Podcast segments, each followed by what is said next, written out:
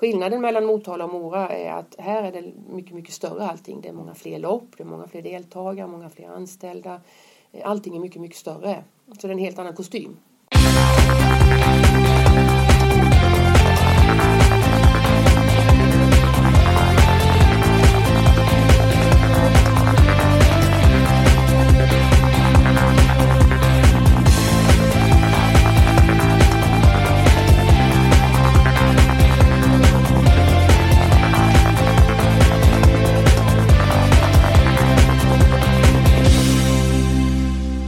Välkommen till Radio O-ringen Podcast. Det här är en podcast där Per Forsberg träffar personer och profiler i orienteringsvärlden och tar upp både stora och små ämnen. Ja, hej på er och eh, välkomna till Radio O-ringen Podcast.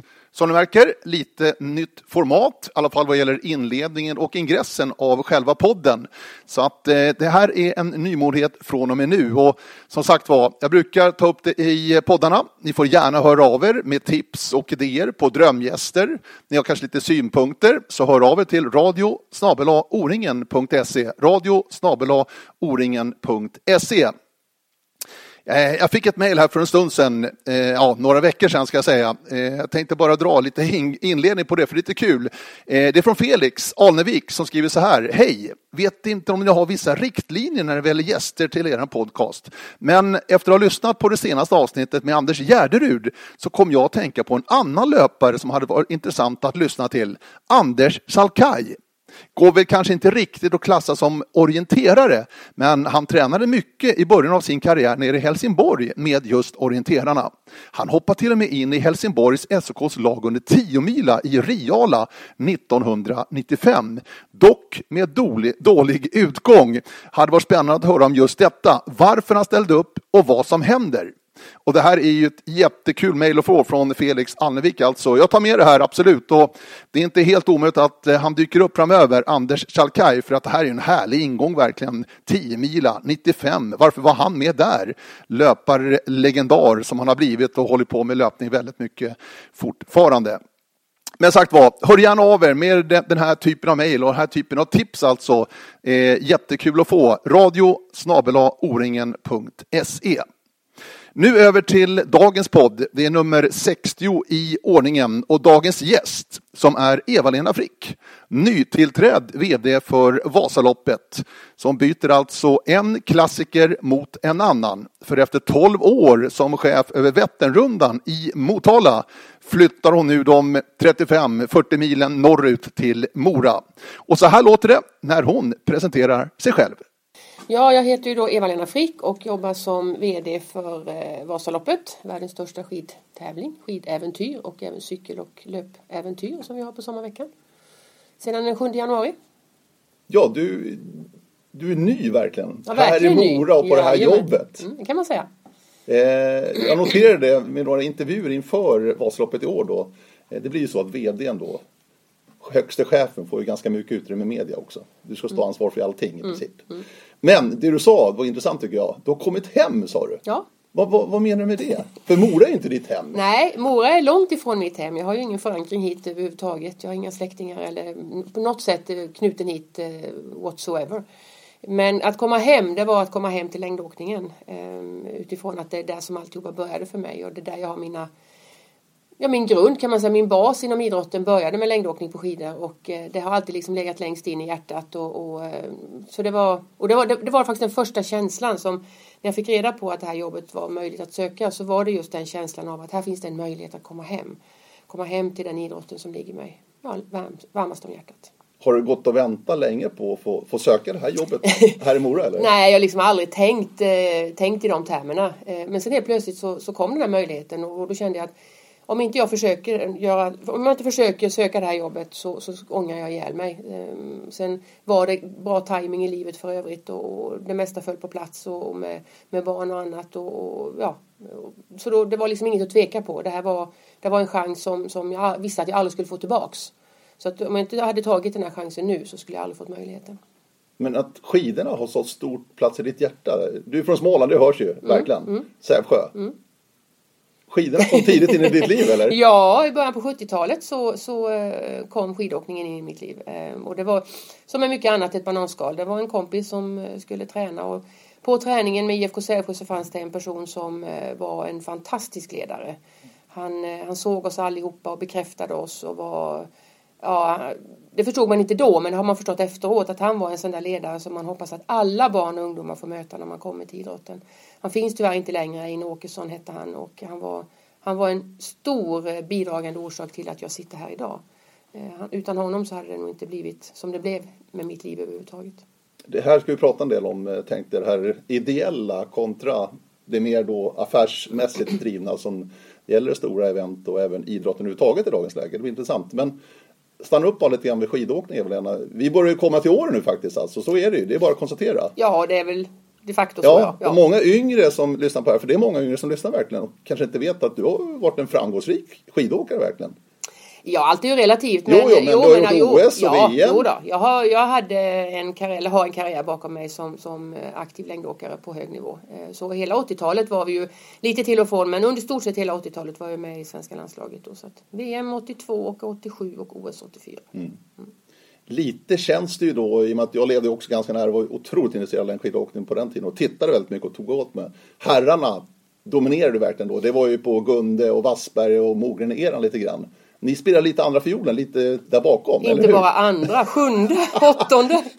ja, men visst var det så? Ja, ja, jo, det var så. Det var så. Det var, det var eh, slagsida kan man väl säga åt, åt herrarna. Och det, det, alltså, om man får blicka tillbaka och om man skulle ha, ha, haft möjligheten att göra om så är det ju någonting att jag skulle vilja göra om min aktiva karriär med den erfarenheten och kunskapen jag har idag. Mm. Både om mig själv och om träning och ja, överhuvudtaget eh, hela paketet så skulle jag vilja göra om och göra, göra på ett annat sätt. Ehm, på, på vilket sätt då menar du? Ja, framförallt eh, alltså den mentala delen som inte, idag är det ju, det är ju en helt annan värld än vad det var på 80-talet. Det är inte så jättelänge sedan men det, det, var inte alls på det sättet som det är idag. Vi hade inte alls den insikten, kunskapen, kompetensen om vad, vad den delen kunde göra för resultat och så vidare. Sen har vi ju en annan problematik som vi eh, där i mitten på 80-talet. Eh, vi, vi åkte ju inte med dem som var, hade riktigt vi hade inte samma förutsättningar Nej. som många andra.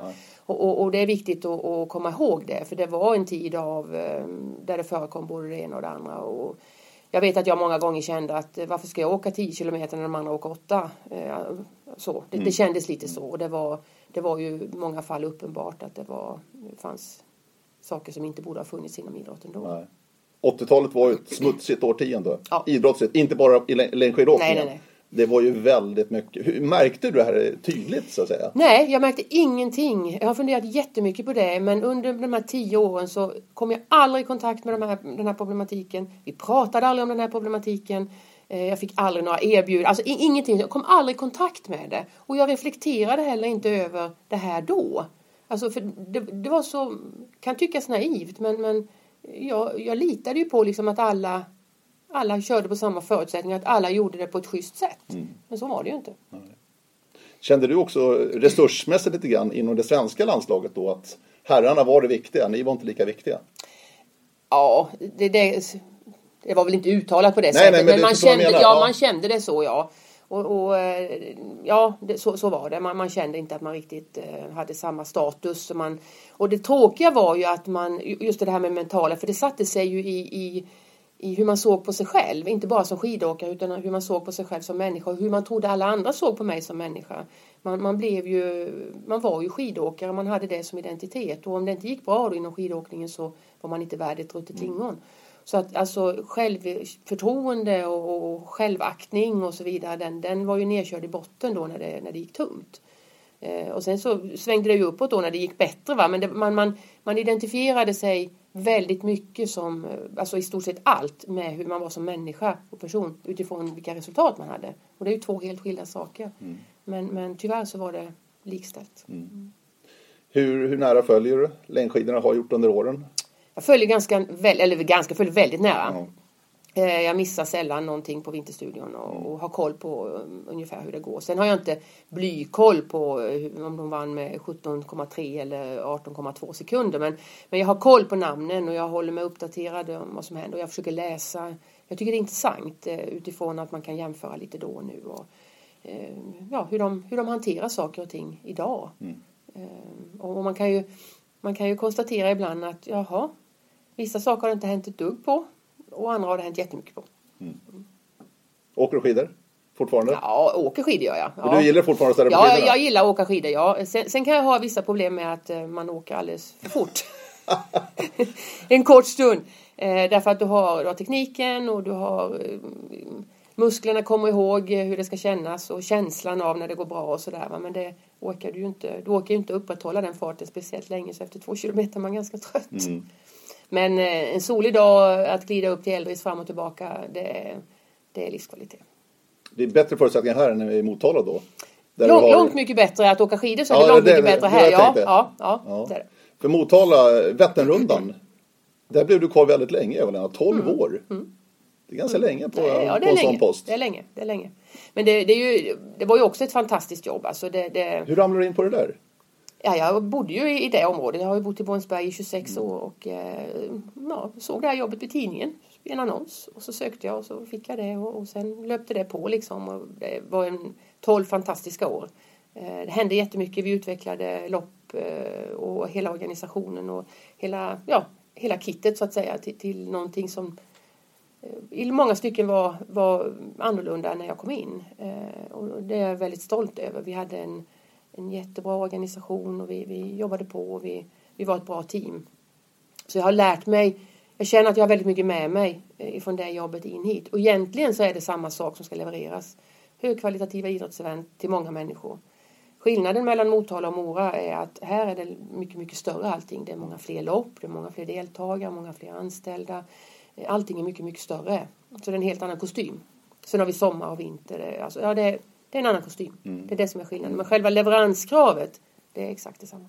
Var kom du ifrån då när du började på Vätternrundan? Vad hade du för bakgrund innan du tog det jobbet så att säga?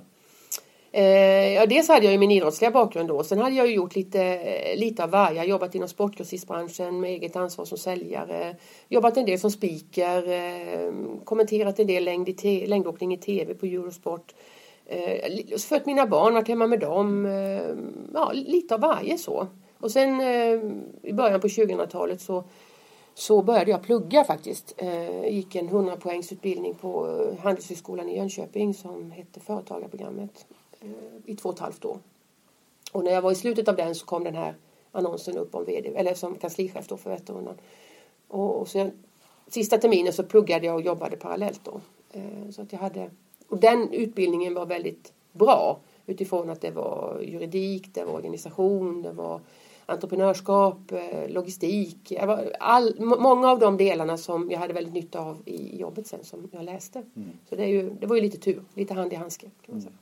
Vad, vad, kände du då när du hoppade på det jobbet, eller tog det jobbet sagt, som kanslichef då på Vätternrundan? Kände du att Åh, det här vill jag göra, det här vill jag göra, det här vill jag göra, liksom för att utveckla det direkt från början? Eller hur, hur går du in i nya jobb? Alltså jag, jag ehm, man, man, kan ju inte komma in och säga att det här och det här och det här direkt. Alltså, utan du måste ju veta och du måste ha koll på läget. Och du måste ha, ha koll på organisationen och du måste veta hur saker och ting hänger ihop och du måste veta hur saker och ting fungerar och du måste veta vad de trånga sektorerna är och, och vad det går bra och vad det går mindre. Alltså du, du, måste ha koll för att kunna göra en förändring. Och det är samma sak nu här i Mora. Alltså jag är ju fortfarande i den fasen att jag känner in och mm. eh, lär mig saker och, och att vi eh, bara det med att lära känna alla människor och alla platser och, och eh, utmaningarna vi har med arenan, med snö och med, med, med, allt vad det nu är. Och, och det där har ju jag långt ifrån lärt mig till fullo än för att kunna säga att det där vill jag förändra och det där vill jag förändra. För ärligt talat så vet inte jag idag riktigt hundra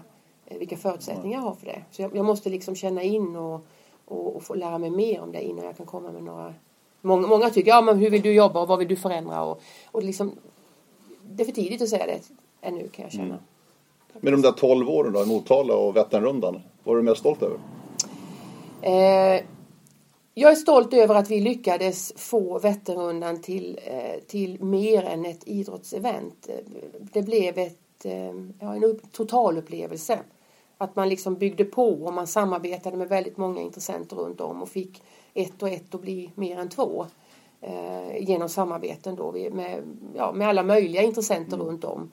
Vi satte Motala på kartan i ännu högre utsträckning. Eh, vi försökte engagera oss i, i eh, det lokala näringslivet och i det regionala näringslivet. Vi, alltså vi verkade som katalysator för utveckling av hela området runt hela Vättern. Och framförallt med bäring då på Motala och Östergötland. Så det är väl det, det, det är jag stolt över. Att, vi, att jag, jag bidrog till att vi eh, Eh, ja, vi, vi, vi, vi, vi blev ett lok kan man säga i många olika sammanhang för att dra utvecklingen i, i Östergötland.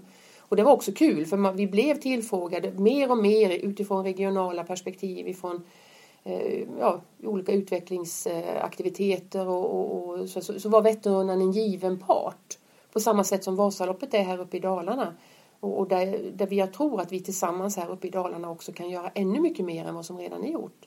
För Vasaloppet är ett otroligt lok för att ta utvecklingen här, här uppe. Både i Vasaloppskommunerna men även i hela regionen. Mm. Känner du, eh, framförallt då dina 12 år där i Motala och eh, Vätternrundan, att de flesta står liksom och tycker det här är bra? Att det händer någonting och ett stort och det kommer mycket folk och det gynnar väldigt, väldigt många så att säga va? Är de flesta med på det här tåget eller är det många som fortfarande är liksom lite skeptiska och tycker det här är bara jobbigt. Liksom. Varför ska de komma hit för? ja, de finns ju de också. Ja, men, men det, det, var också en utmaning i Motala och det är ju det är, det är inte bara Vätternrundan och Vasaloppet som har den eh, situationen. Så är det ju med de flesta stora event. Att eh, man saknar inte kon förrän båset är tomt. Så att skulle Vasaloppet inte finnas i Mora och skulle Vätternrundan inte finnas i Motala så skulle väldigt många saknar otroligt, dem otroligt mycket. Och de allra, allra flesta tycker det här är jättepositivt eh, på alla sätt. Men sen finns det alltid de som tycker det är jobbigt att det är trångt att parkera och att det är mycket mm. folk och det ena med det sjunde.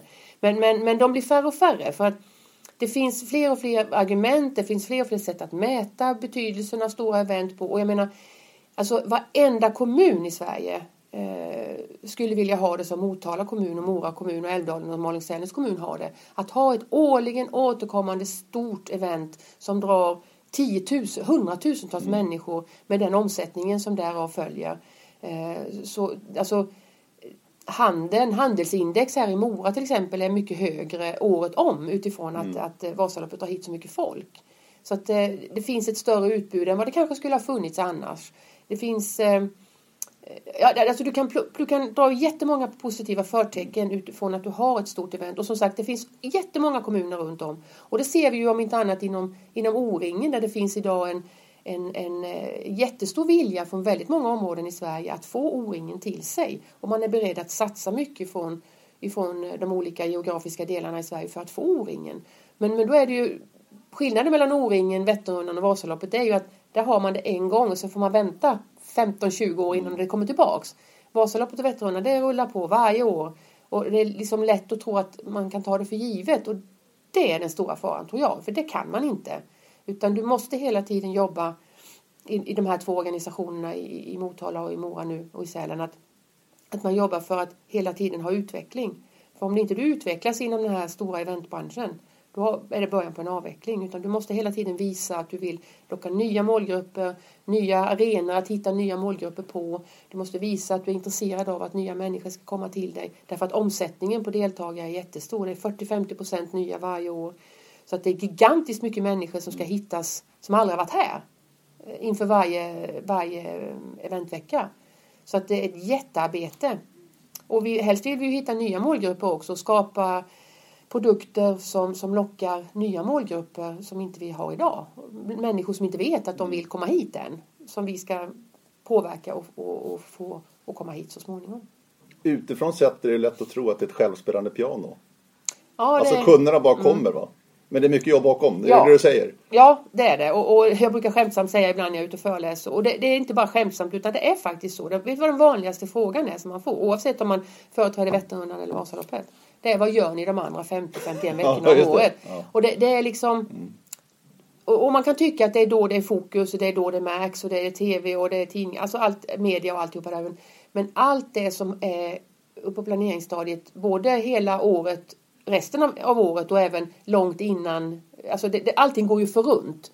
Så att vi är ju redan i, i flera år framåt i tiden i planeringsstadiet vad som ska hända framöver. Och sen är det, man kör ju både det korta och det långa perspektivet men, men det är ett enormt pussel. Det är som ett alltså, gigantiskt pussel med hur många bitar som helst. Och om inte du får varje bit och liksom klicka i nästa och nästa och nästa och nästa så har du, då har du en skarv där det gnager lite, mm. där du inte levererar hundraprocentigt. Och då, då funkar liksom inte helheten heller utan du måste hela tiden försöka hitta det här klickljudet när bitarna passar i hela tiden och ja, så, så pusslet byggs upp och blir en helhet så, så småningom. Och det är otroligt mycket människor, 4-5 tusen funktionärer. Den här balansen mellan den ideella världen och den professionella världen, kommersiella världen som vi har att hantera både här i, i Vasaloppets evenemang men även nere på Vätternrundan. Den är ju den är lite unik och att jobba i det i den situationen det är ju någonting som skiljer sig från att jobba i ett, i ett bolag, alltså bara, bara jobba i ett bolag så att säga. För här har man hela tiden den här balansen som du måste mm. upprätthålla. Mm. Mm. Det ska vi prata mer om. Men jag tänkte på det här, eh, det säger 40-50 procent är nya ungefär varje år. På mm. de här stora loppen alltså. Det gäller även Vasaloppet kan jag mm. tänka mig. Mm. Men vad är det som lockar? Alltså de här 15 800 var det nu som var anmälda till Vasaloppet förra söndagen. Mm. Eh, vi sitter precis här vid, i Fäderns spår för framtidsägarna, den mm. klassiska devisen. Där det fotas året runt verkligen. Det gör det verkligen. Ja, ja verkligen. Det är fantastiskt häftigt. Men det är helt otroligt, det finns inte en snögnutta kvar här ute. Nej, just idag är det ju vår här i Mora. Och det är, det är som sagt bara en och en halv vecka sedan som vi hade Vasaloppet. Ja. Och, eh, men Vasaloppet är en sån eh, stark tradition. Det är någonting som är så eh, mytomspunnet, sägenomspunnet och eh, det, det är någonting som väldigt många människor har som mål mm. eh, för sin träning. Och det är ju, den där delen tror jag är jätteviktig oavsett vilket lopp du tränar inför. Så är just att du har ett mål eh, att kunna komma mm. igång. Mm. Det, vi brukar säga att Vasaloppet är en motor för folkhälsan och föreningslivet. Och för individen är det ju otroligt viktigt att man, man sätter ett mål, man anmäler sig till ett av våra lopp och sen börjar man träna. Då är det mycket lättare att hitta motivation om du vet att där i februari-mars då ska jag prestera eller där i augusti så ska jag springa 45 eller 90 kilometer eller jag ska cykla 30, 45 eller 90. Då är det mycket lättare att komma ut om det regnar och är träligt väder, det blåser och alltihopa där. Men du vet att du har det där målet, du måste förbereda dig. Mm. Och där tror jag ligger en del i, i kraften att, att vi är så stora. Vi är en, en viktig motivator för folk att komma ut och röra på sig. Och det är ju, eh, det är ju resan, resan hit som är det viktigaste kanske för, för individen. Och sen att få, få, liksom få kulmen här då när man känner att jag klarar, klarade min utmaning. Jag kan glida in här under devisen och känna att jag klarade att åka skidor i 90 kilometer. Och, jag, och, och den där känslan av att, att klara det man kanske inte riktigt trodde sig själv att kunna göra. Det är ju oavsett vilket mål man än har, om det är att åka skidor eller om det är att skriva en bok eller vad det nu än är. Så att, att känna att man klarar lite mer än vad man själv trodde. Det, för mig är det det är det bästa man kan känna. Men det, det jag är ute efter lite grann är att här, här står de, det, det gäller, Vätternrundan har ju lite annat startsystem i sig, men Vasaloppet är nästan ett bättre exempel faktiskt. Eh, där alla startar samtidigt, klockan 8.00, mm. första söndagen i mars, varje år. Mm. Varför åker de inte öppet spår? Det är mycket lugnare och skönare, bättre spår. Alltså, förstår du vad jag tänker? Lite ja, tänker va? Här ska de stå och trängas. Mm. Och stå, spåren blir bara sämre och sämre känns mm. som, mm. år för år det liksom sliter mer och mer. Va? Mm. Och kommer en bit ner där de flesta är, liksom, då är det inga spår kvar. Nej. Hade du åkt söndag och måndag i år, det var ju fantastiska ja, lopp. Det, det, det, det, bättre än så kan det ju inte bli nej, heller. Va? Så nej. Nej, nej men alltså, vad är det som lockar liksom att stå där en bland, är det just den grejen att man vill göra det liksom tillsammans med de här? Ja, alltså jag tror att den gemenskapen och när du står där uppe på, på plats i Sälen, du ser hela det här folkhavet med nästan 15-16 000 människor som står där och den här färgpaletten mm. som, som Sven Plex beskrev i många, många år när han eh, rapporterade från starten. Alltså, den, är, den är mäktig. Alltså, jag, kände det när man stod där uppe. Jag har aldrig stått och tittat på starten på det sättet jag gjorde i år. Har jag inte åkt själv så har jag inte varit på plats fysiskt utan jag tittat på TV. Mm.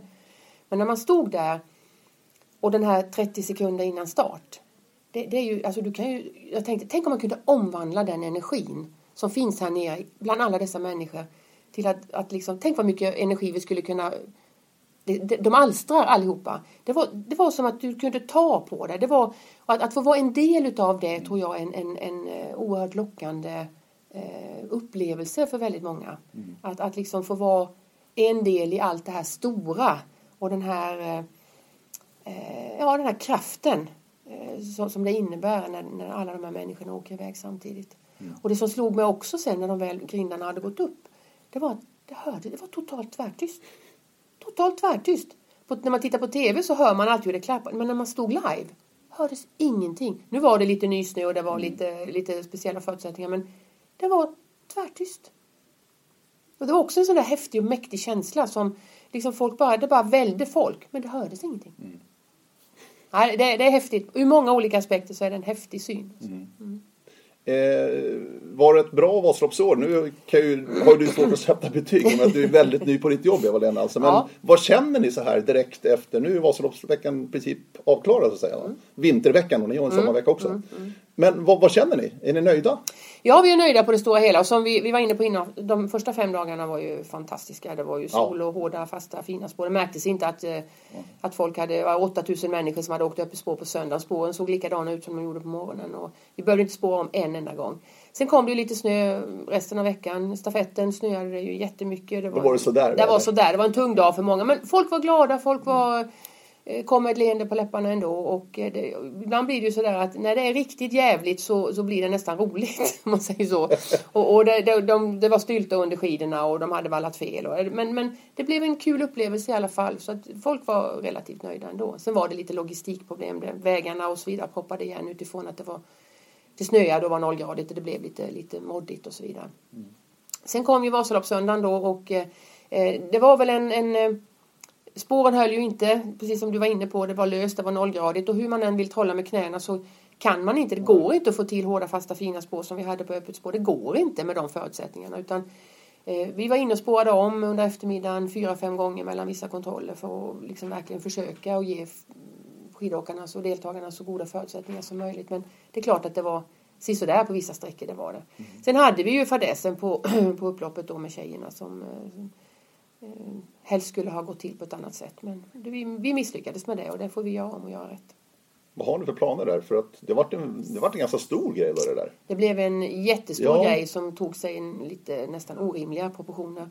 Eh, men, men det, självklart så, så vi, vi, vi, är de första att säga att det, det blev inte bra och, och det, vi, hade, vi trodde på den här åtgärden men det, det funkade inte. Eh, vi hade ett antal åtgärder för att stärka damernas medverkan i, i, eh, i Vasaloppet och bland annat så hade de en egen start. Alla stod tillsammans. Vi hade extra stavservice för att uppe i första backen om stavarna skulle ryka för dem. Vi hade spurtpriser, samma belopp, samma platser som, som för herrarna. Men sen blev det ju lite speciellt utifrån att det gick så tungt för herrarna att spåra i och med att det kom lite nysnö. Så damerna hängde ju väldigt lätt med. Ja, verkligen. Så de var ju inte mer än 3-4 minuter efter. Nej.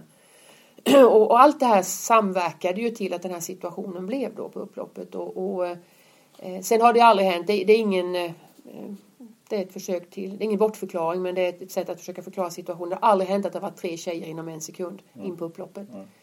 Eh, men men eh, det, det, blev inte bra. Det blev inte som vi hade tänkt oss. Eh, så nästa år så kommer vi att Eh, vi har pratat om, vi har faktiskt pratat lite grann om O-ringen då, eh, som är in mot, eh, mot, eh, mot mål där beroende på vilken klass man springer i och så vidare. Så vi får se, men, men vi kommer i dialog med tjejerna att försöka hitta en så bra lösning som möjligt. Eh, andra idéer där, jag, jag har pratat med lite folk också så liksom, funderar på vad man ska göra. Är det inte dags att de får en egen dag nästan, lördagen? Vi får ju vända på alla stenar. Ja, men, eh, men, men då, då, är vi återigen i det där vi pratade om förut, att man vill vara en del av den här stora. För om, om, om det, vi ska ha 50 elittjejer som åker, eh, alltså bara dem. Det, det, Nej, det går ju det, inte. Det blir liksom Nej. inte riktigt samma grej då. Va? Hur många kvinnor är det som kör söndagen? Alltså... Ja, 2000 lite drygt ja. totalt. Mm. Men jag tror att större, stora flertalet av dem vill nog åka i, den här, det i det här stora gänget. Absolut. Så att de som eventuellt då skulle vilja åka på lördagen, det, det blir väldigt få. Mm. Och det, det, ja.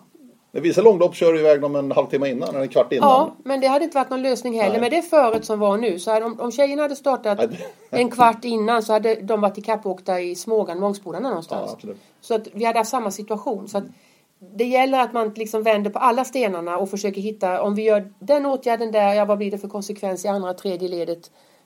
På väldigt många håll då. Så att man får, man får liksom tänka på det i ett brett perspektiv. Mm. Det här är ingen, ingen sak som vi måste lösa idag eller imorgon utan vi ska ha till Vasaloppet 2017 en bra lösning plats, det garanterar jag. Vi får prata med Mora kommun så att de breddar Vasagatan lite mer. ja, precis. precis.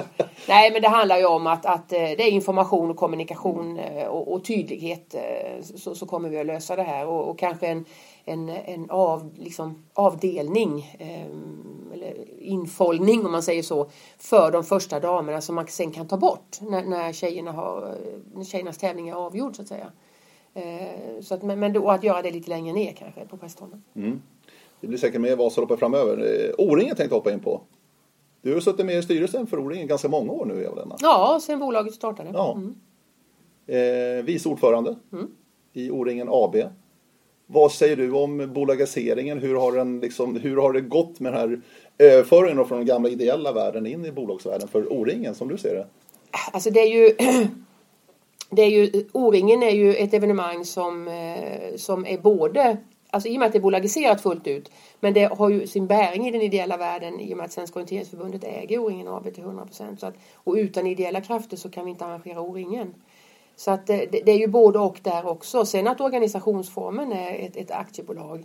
Och det är det stor, första stora svenska idrottsevenemanget som har den organisationsformen. Och därför tyckte jag att det var lite spännande och kul att, att få vara en del utav, av den delen utifrån att man jobbade med Vätternrundan då och med Vasaloppet nu där organisationsformen inte ser riktigt likadan ut.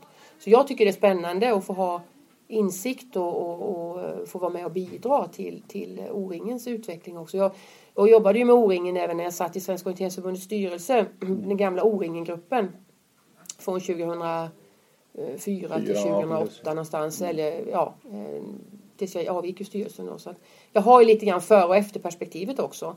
Och, och tittar jag på boringen idag så har det ju hänt otroligt mycket. Jag tycker vi har kommit jättelångt. Och att vi har hittat ett sätt att, just den här problematiken som vi pratade om när jag var med förra gången. Hur ska vi föra över kunskap? Hur ska vi undvika att börja få noll varje år? Och hur ska vi liksom hitta ett sätt att konceptualisera och liksom föra hela konceptet in? Det har vi hittat idag utifrån den fasta organisationen som, som eh, har kommit otroligt långt på kort tid. Tycker jag i alla fall. Jag tycker vi har lyckats väldigt bra. Mm. Men du, det här är intressant med din företagsekonomiska bakgrund och dina studier där, Eva-Lena. Vad är skillnaden? Här, om vi tar Mora då och Vasaloppet. Så är det Vasaloppet Marknads AB heter det. Ja, vi har ju både en Vasaloppsförening ja. och ett eh, Vasaloppet Marknadsaktiebolag. Men Vasaloppsföreningen är ju ideell, den är inte bolagiserad. Nej. Nej, precis. Nej. Eh, och det du säger med O-ringen AB då, det är första stora eventet som helt och hållet, alltså som är bolagiserat hela alltet, ja, alltså, inklusive ja. tävlingen också. Ja, precis. Är det, är det den skillnaden liksom? Ja, alltså? det är den skillnaden. Okay. ja. För här i Vasaloppet ligger tävlingen utanför bolaget egentligen. Ja, tävlingen ligger ju i Vasaloppsföreningen. Så tävlingen, tävlingarna oavsett om det är löpning, cykel eller skidor arrangeras av Vasaloppsföreningen. Ja. Där IFK Mora och Sälens IF är ägarföreningar. Och så finns det ett avtal då mellan Ja, det finns avtal bolaget. som reglerar. Ja, precis, ja, som reglerar allting. Men, men, men nu har det gått så många år i med O-ringen AB, men finns det fördelar respektive nackdelar med de här olika lösningarna? För O-ringen hade också kunnat gått den vägen egentligen och ha kvar själva tävlingen då ideellt i någon slags O-ringen-förening som det var tidigare. Ja, rent tekniskt hade man ju kunnat göra det, men då har du ju det här med att det är olika människor som ska in varje år. O-ringen arrangeras på olika platser mm. varje år med med, med, och jag tror att just den här fasta organisationen som finns som en röd tråd nu. Eh, jag tror att den är jag tror att det är bra för den att det finns att den är organiserad på det sättet som den är. Man har, det finns ju olika varianter på det här. Man skulle kunna valt en annan lösning men nu, nu bestämde sig ju Svenska orienteringsförbundet för att man skulle göra så här. Och jag vill nog påstå att jag tycker att det har, det har gått bra. På så kort tid så har vi kommit väldigt långt som sagt. Och att det, den här röda tråden finns och att det finns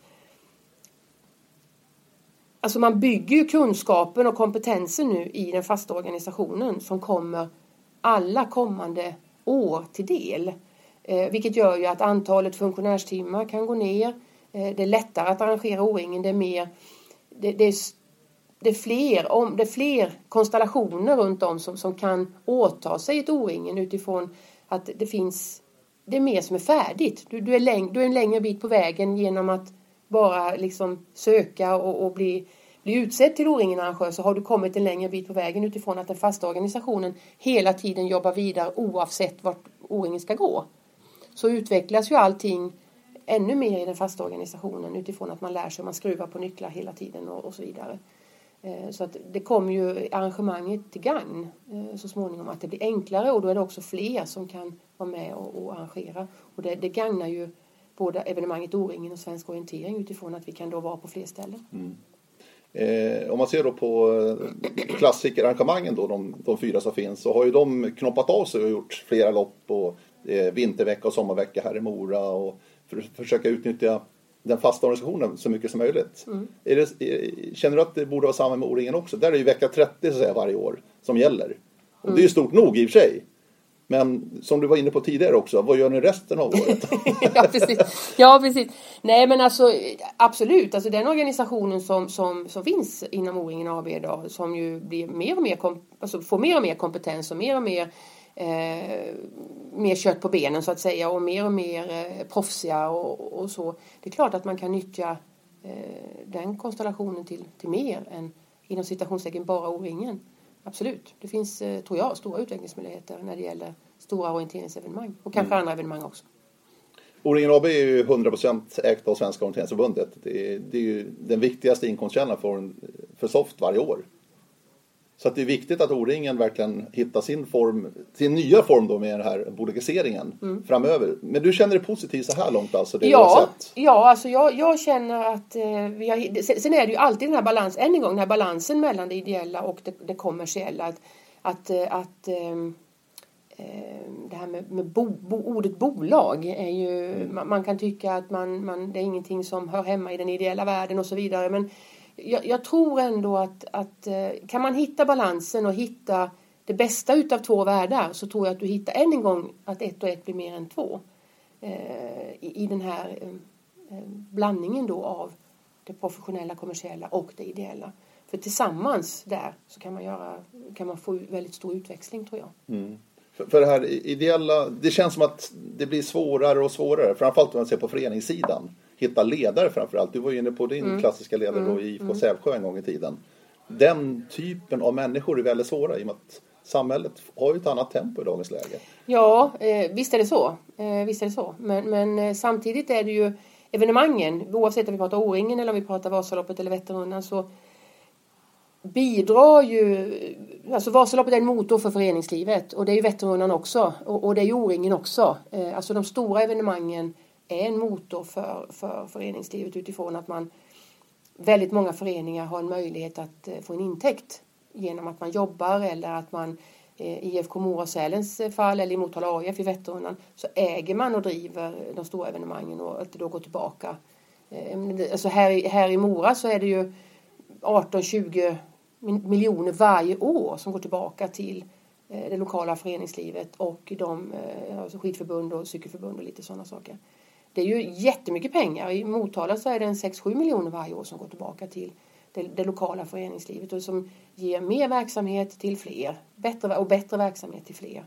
Och mycket anläggningar som kan byggas. Och, alltså, sådana investeringar som kanske samhället har svårt att ta, kommuner och annat idag, det kan man genom de här pengarna eh, fixa själva då. Mm. Och, och, det är ju jättemycket värt för, för eh, verksamheten just på den platsen då, som, mm. som man är. Men där är det skillnad med O-ringen i och med att den flyttar runt varje år så att där kan man inte liksom Men det, det, förra året då i Borås var ett väldigt lyckat arrangemang på mm. många sätt. Fick mm. höga betyg. Det brukar O-ringen få i sig men det var väldigt höga betyg förra mm. året på mm. eh, vad gästerna och besökarna tyckte om hela den veckan. Mm. Och det genererade också ett rejält överskott i föreningarna. Mm. Är, är det det som är drivkraften? Är det pengarna i slutändan? Ja, alltså jag tror att pengarna eh, och möjligheten att få en intäkt är en, en viktig motivationsfaktor för att gå in i de här projekten, absolut. Och jag menar, tittar man här som IFK Mora och Sälens IF så, så det är klart att, att utan de här pengarna skulle man inte kunna ha den verksamheten man har. Det är samma sak nere i Motala. Utan Vätternrundan och de andra evenemangen där skulle man inte kunna ha den verksamheten man har. Och det är samma sak på O-ringen. Alltså där är det ju som du var inne på, man, man har det en gång och så får man vänta ett antal år innan man kan få det igen. Eh, men, men just de åren man har så är det ju kul också, man kan, som det var i Borås nu, att det blev ett bra överskott. Så att allt det arbetet som, som är nedlagt ifrån alla de här människorna, i alla de här föreningarna som var med, också får någonting tillbaka som man kan... För det, det är ju väldigt mycket arbete som är nedlagt. Man har kanske fått ge avkall på eh, distriktsevenemang, eh, man har inte kunnat springa så mycket själva ute i föreningarna, man har fått eh, lägga ner både nätter och dagar för att det här evenemanget skulle bli så bra som möjligt för alla andra gäster som kom. Men då är det ju skönt också att kunna konstatera att ja men nästa år så kan vi åka på den där gemensamma träningsresan eller det där lägret nere i Portugal eller vad det nu är man vill satsa sina pengar på. Och, och, hitta tillbaka till, för många gånger så blir det lite spretigt i de här klubbarna utifrån att det är så mycket jobb men att man hittar tillbaka och gör någonting tillsammans. Eh, och den möjligheten skulle man ju inte haft annars. Nej. Jag tänker så här, städer och orter som då inte har ett Vasalopp eller en Vätternrunda med årligt återkommande. De är ju väldigt nöjda som du säger här i Mora och Motala så har de här stora. Men O-ringen borde ju vara en perfekt aktivitet, event att söka då. Alltså komma kanske från samhällets sida mm. väldigt mycket. Här kommer liksom 30 000 pers en sommarvecka. Mm. Och man stannar väldigt Men, länge. Ja, det är inte bara, det är inte bara en dag utan det är, ju, det är ju fem dagar med vilodag sex dagar och kanske sju, åtta dagar med lite etablering på, på C-ort och annat. Så, så, har man har ju folket på plats mm. under en veckas tid, minst. Men känner ni av att det finns intresse av städer, orter och sådär att vilja ha O-ring till sig? Och då, då pratar jag om samhället alltså? Ja, exakt. Jo men alltså det finns väldigt många kommuner eh, och det, det har jag blivit varse genom arbetet med O-ringen som, ja. som söker evenemang. Mm. Eh, som söker möjliga evenemang att, att eh, slåss om, om man säger så. Eh, det kan vara musikfestivaler, det kan vara O-ringen är ett lysande exempel. Eh, och det finns några stycken till. Men, men det, det, det, blir lite dragkamp för att, att få de här evenemangen till sig för att kunna locka en ny målgrupp av människor kanske. Eh, eh, Norrköping nu bland annat, eh, ett lysande exempel på det här 2019 som, som har liksom profilerat sig som en stor evenemangsstad mer och mer. Där man liksom söker de här, stö- de här SM-veckan, sommar nu och så vidare. Så att, och då ligger O-ringen väldigt bra till. Mm. Hur många O-ringar har du sprungit Helena? Ja, hur många O-ringar har jag sprungit? 70-talet sprang jag en del. Ja. ja. Skåne 74, Stockholm 75, Värmland 76. Eh, var det också så när du var yngre att det var skidor och vinter, lite orientering ja, och ja, löpning på sommaren? Ja, ja, ja. Fast jag, orientering det är en av de sakerna som jag aldrig har lärt mig riktigt. Jag har sprungit och tycker det är jättekul men jag har aldrig riktigt lärt mig att orientera. Okay. Så att eh, det, det brukar jag säga det är en, det är en miss, eller en, en, en eh, svaghet hos mig att jag aldrig riktigt lärde mig att orientera. Men jag tycker det är fantastiskt kul. Eh, men jag, jag blir lätt vilse i skogen. Men det är fantastiskt kul att vara där. eh, O-ringen i sommar är ju de här trakterna. Det är ju Sälen i sommar. Mm. Mm. Vasaloppet och O-ringen, det finns något slags samarbete mellan de här stora eventen? Eller samarbete, men beröringspunkter finns det definitivt. Mm. Men hjälps man åt på något sätt? Eller är det något utbyte mellan eventen? Nej, alltså nu har jag varit här väldigt kort tid. Ja. Men, men, faktum är att idag så, så kommer det, Visit Dalarna kommer hit och vi ska prata O-ringen. Eh, liksom lite hur, hur, vi kan paketera ihop oss och så vidare. Så att, eh, sen i det lilla då så, så, fick jag ett eh, meddelande på, på Facebook från en gammal klubbkompis till mig, Pontus Funke, som numera finns i Leksands OK. Eh, han och hans fru är ansvariga för miniknatet på, på O-ringen i sommar. Och så mm. att Vasaloppet ska bidra med lite muggar och lite sådana saker har jag lovat. Så att, uh, I det lilla och i det stora så, så, så kan vi hitta beröringspunkter, absolut. Men men det finns inte så där jättemycket, vad jag känner till så här långt i alla fall, diskussion och dialog. Nej, det gör det inte. Nej. För jag känner också, det är både en fördel och en nackdel. Alltså IFK Mora och Sälens IF eh, drar in bra med pengar på Vasaloppet. Så är det ju. Mm. Så att IFK Mora är ju inte ens med. Årjäng Sälen nej, nej, till exempel. Nej, nej, För att de behöver ju inte, jag ska inte jag hårdra lite grann, men de har redan liksom sin intäkt varje år säkrad. Mm. Så länge Vasaloppet går bra. Mm. Jo, precis. Nej, de har ju tydligen valt, och det, det, visste jag inte förrän jag kom hit, att inte de var med. Jag, jag hade inte koll på det ärligt talat. Men, men eh, de har ju valt att springa istället. Mm. Så de ska ju vara med och delta istället. Jo, precis. Mm. För att de, de säkrar ju sina intäkter varje år då vid Vasaloppet. Mm. Vasaloppet då? 83 sekunder tog det förra året va? Mm. Och fylla. Mm. Mm. Eh, söndagen då, det är mm. den vi pratar ja, precis, precis. om. Den stora dagen. Mm. Alltså det är helt makalöst. Ja, det är makalöst. Än en gång, det finns en dragningskraft eh, i det här som är, är gigantisk. Ehm, och på söndag nu, den 20 mars, så öppnar vi ju anmälan till. Ja, det är nu dags alltså? Klockan okay. 9.00. Då är det redan gjort när ni hör det här kan jag säga. Ja, precis. Det här kommer ut som påskspecial tänkte ja, jag. Okej, okay, okay. ja, men då, då vet vi hur det gick. Ja. Mm. Men alltså det, det, där, hur funkar det där alltså? Det måste ju funka. Alltså det här trycket. Så att inte allt liksom bara... Ja, det är ju lite datateknik i det Ja. här, eh, om man säger så. Eh, Och, och där är inte jag den bästa personen att förklara hur det går till. Men på det stora hela, så de loppen där vi vet att det blir mest tryck, eh, Vasaloppet, Stafettvasan och nu även Nattvasan.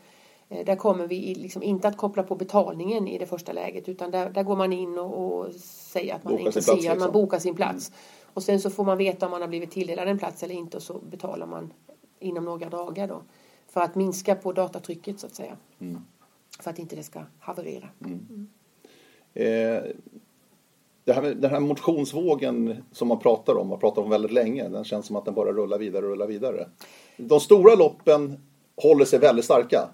Medan det är många mindre lopp som inte klarar sig. Lite så är ju känslan har varit det senaste decenniet egentligen. Att de stora loppen blir bara större och större och starkare och starkare. Kommer det, kommer det där bestå tror du? Ja, vi såg nu, i vinterveckan var det all time high. Eh, vi hade över 68 000 anmälda och så många har vi aldrig haft någonsin. Eh, men en tendens är också att det blir, förutom de här loppen där som det tar 83 sekunder eller som det går väldigt fort, så anmäler sig folk senare och senare. Och det där är ju någonting vi ser inom orienteringen också, att eh, det här med att man bestämmer sig på morgonen om man ska springa Precis. eh, och så vidare. Med, och med den problematiken som det föranleder för arrangörer med tillgång till kartor och, och förberedelser överhuvudtaget. Men, den tendensen kan man ganska tydligt se. Eh, men, men det håller i sig, ja det gör det. Och, och än en gång det här med att man, man sätter upp de här målen eh, för sig själv och man, man vill ha de här triggerserna för att man ska ja, komma igång. Och jag tror att det är det som är en stor faktor i att, att till exempel Vasaloppet och de olika evenemangen här i Moa är så stora. Mm.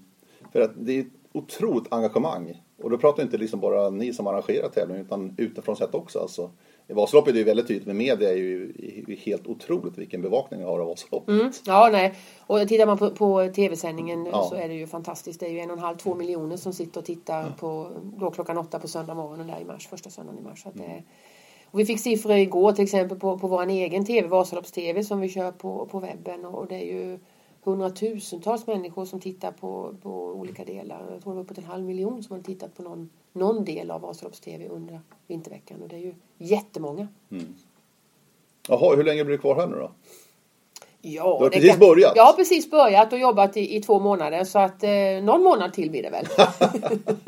Nej men jag, jag, jag har, eh, vi var inne på det förut det här med att komma hem och det känns verkligen som att jag har fått en möjlighet att göra det. Eh, och sen ska man ju också komma ihåg att den kompetensen som jag har skaffat mig på Vätternrundan inom cykelvärlden är ju också värdefull att ta med sig in i sommarveckan här. Så att kombinationen av kärleken till längdåkningen och kompetens. Och jag, jag tycker jättemycket om cykel och löpning också, det är inte det. Men det ligger inte lika långt in i hjärtat som, som skidåkningen gör. Men kombinationen av alltihopa det här känns som att eh, eh, det finns goda förutsättningar för att man ska kunna göra ett bra jobb. Och, och jag känner att jag på väldigt kort tid kommit in i jobbet väldigt bra ändå. Och så är det nära till Sälen i sommar, köra en etapp också uppe i Sälen. Jag, kommer och, jag har bokat boende och så, så att Ja, jag ska nog vara, vara på fjället då vecka 30. Det hade jag nog tänkt. Mm. Trevligt, Eva-Lena Frick, VD Vasaloppet. Tack snälla för det här. Radio O-ringen Podcast alltså. Ni hör oss även framöver. Tack för idag. Hej då!